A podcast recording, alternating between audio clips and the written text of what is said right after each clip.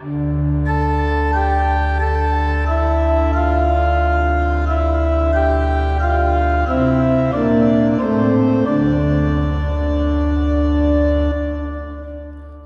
välkommen ska du vara till Predikoverkstan, en podcast från församlingsfakulteten i Göteborg. Daniel Johansson går här igenom kommande söndags evangelietext till hjälp för dig som förbereder en predikan inför söndagen eller för dig som är allmänt intresserad av att veta mer om evangelietexten. På vår hemsida www.ffg.se kan du hitta genomgångar för alla tre årgångar i evangelieboken. Och där kan du också hitta information om hur du kan stödja fakultetens arbete. Men nu, en genomgång av kommande söndags evangelietext. Vi önskar dig god lyssning. Andra årgångens evangelium för bönsöndagen är Lukas 11, 1 till och med 13. Den här texten består av en inledning där lärjungarna ber Jesus lära dem att be och sedan fyra delar som ger olika perspektiv på bönen. Först Herrens bön och sedan liknelsen om mannen som söker upp sin vän vid midnatt. Orden om uthållig bön och till sist om hur Gud som en god fader ger goda gåvor. Samtidigt och parallellt handlar avsnittet också om Guds faderskap. Bönen Jesus lär sina lärjungar adresserar Gud som fader och i det avslutande avsnittet jämförs Gud med en jordisk fader. Ehm, avsnittet återknyter till eh, föregående eh, kapitel på åtminstone två sätt. Likt Maria i Betania vill lärjungarna ta emot undervisning. Och tidigare i eh, det föregående kapitel 10 i verserna 21-22 lovprisade Jesus Gud som sin fader och uppenbarade något av djupet i deras inbördes relation. Evangelieläsningen innehåller ett par ordentliga språkliga problem som vi strax kommer till men vi börjar i den första versen. Den inleds med de för Lukas vanliga orden Kai egeneto och det hände.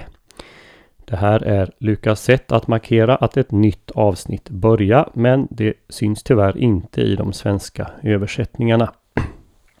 I samma vers Didaxon, en aurist imperativ. Innebörden är troligen lär oss nu att be. Adjektivet epiosion i vers 3 är ett notoriskt problem i bibelforskningen. Det förekommer inte någon annanstans i, än i Fader vår i den grekiska litteraturen. Eh, man får då på etymologisk väg försöka sluta sig till ordets mening. Och då är det två huvudalternativ eh, som föreligger. Antingen är ordet en sammansättning av prepositionen epi och verbet eimi med accenten på den sista stavelsen, det vill säga verbet vara. Eller alternativt är det en sammansättning av prepositionen epi och verbet eimi med accenten på den första stavelsen som betyder gå, komma. I det första fallet blir betydelsen att man ber om bröd för sitt varande, för sin existens, bröd för den innevarande dagen. I det andra fallet är det en bön om bröd för en kommande dag, imorgon eller i en mer avlägsen framtid. Den senare tolkningen leder ofta till en andlig eller eskatologisk, eskatologisk förståelse av vad brödet är man ber om. Eh, och man tänker då antingen på nattvarden och eller den himmelska måltiden. To kath hemeran varje dag eh, ger en lite annan nyans än Matteus som har sämeron som betyder idag. Och samma typ av nyansskillnad föreligger också till verbet didomi Eh, där Matteus har en aurist imperativ och Lukas en presens imperativ. Det senare i Lukas version indikerar något pågående för varje dag.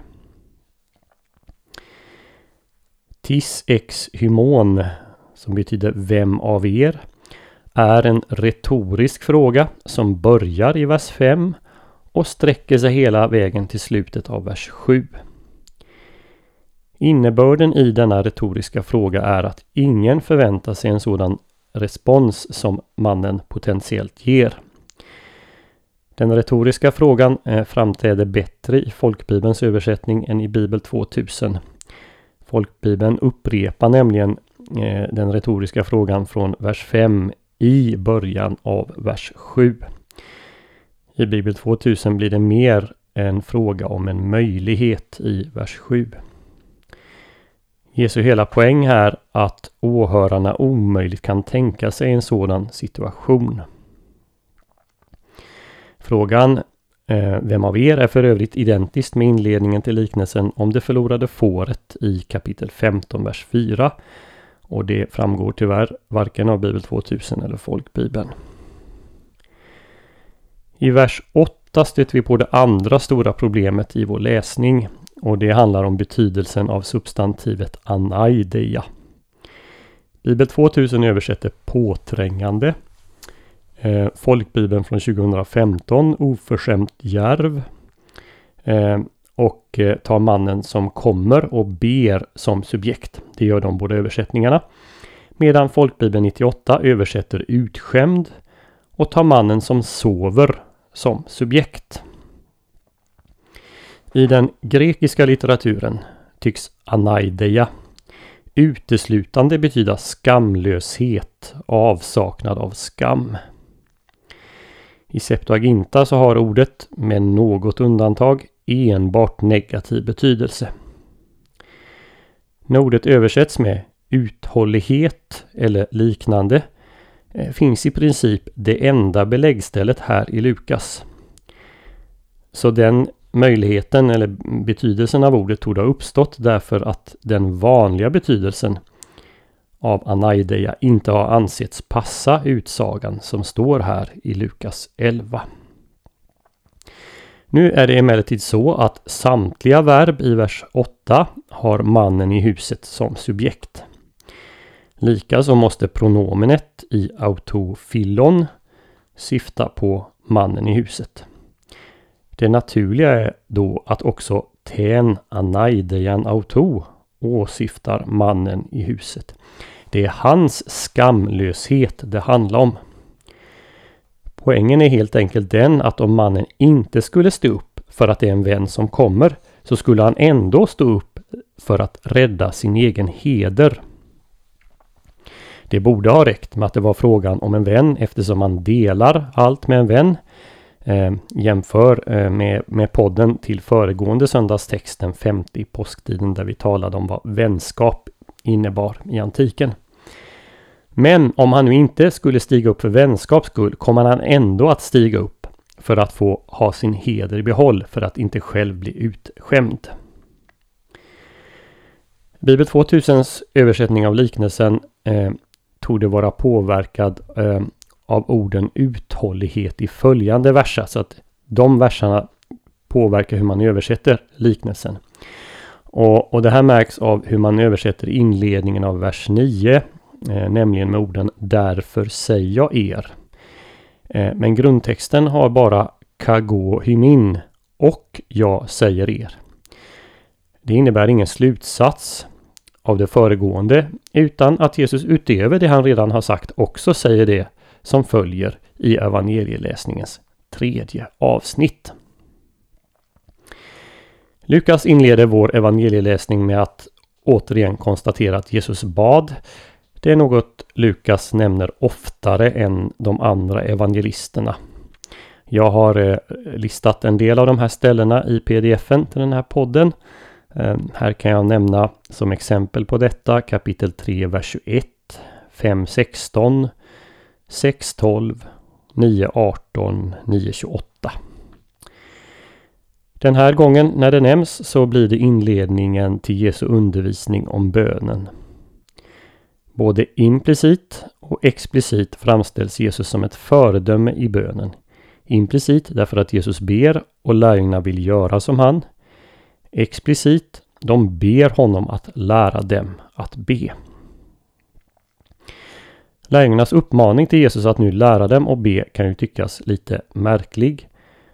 Eh, dessutom är det enda gången lärjungarna uppmanar Jesus eh, dem att eh, uppmanar Jesus att han ska lära dem något. Hade inte de som fromma judar lärt sig att be redan som barn? Det kan man undra. Men Johannes döparen, han hade uppenbarligen lärt sina lärjungar att be.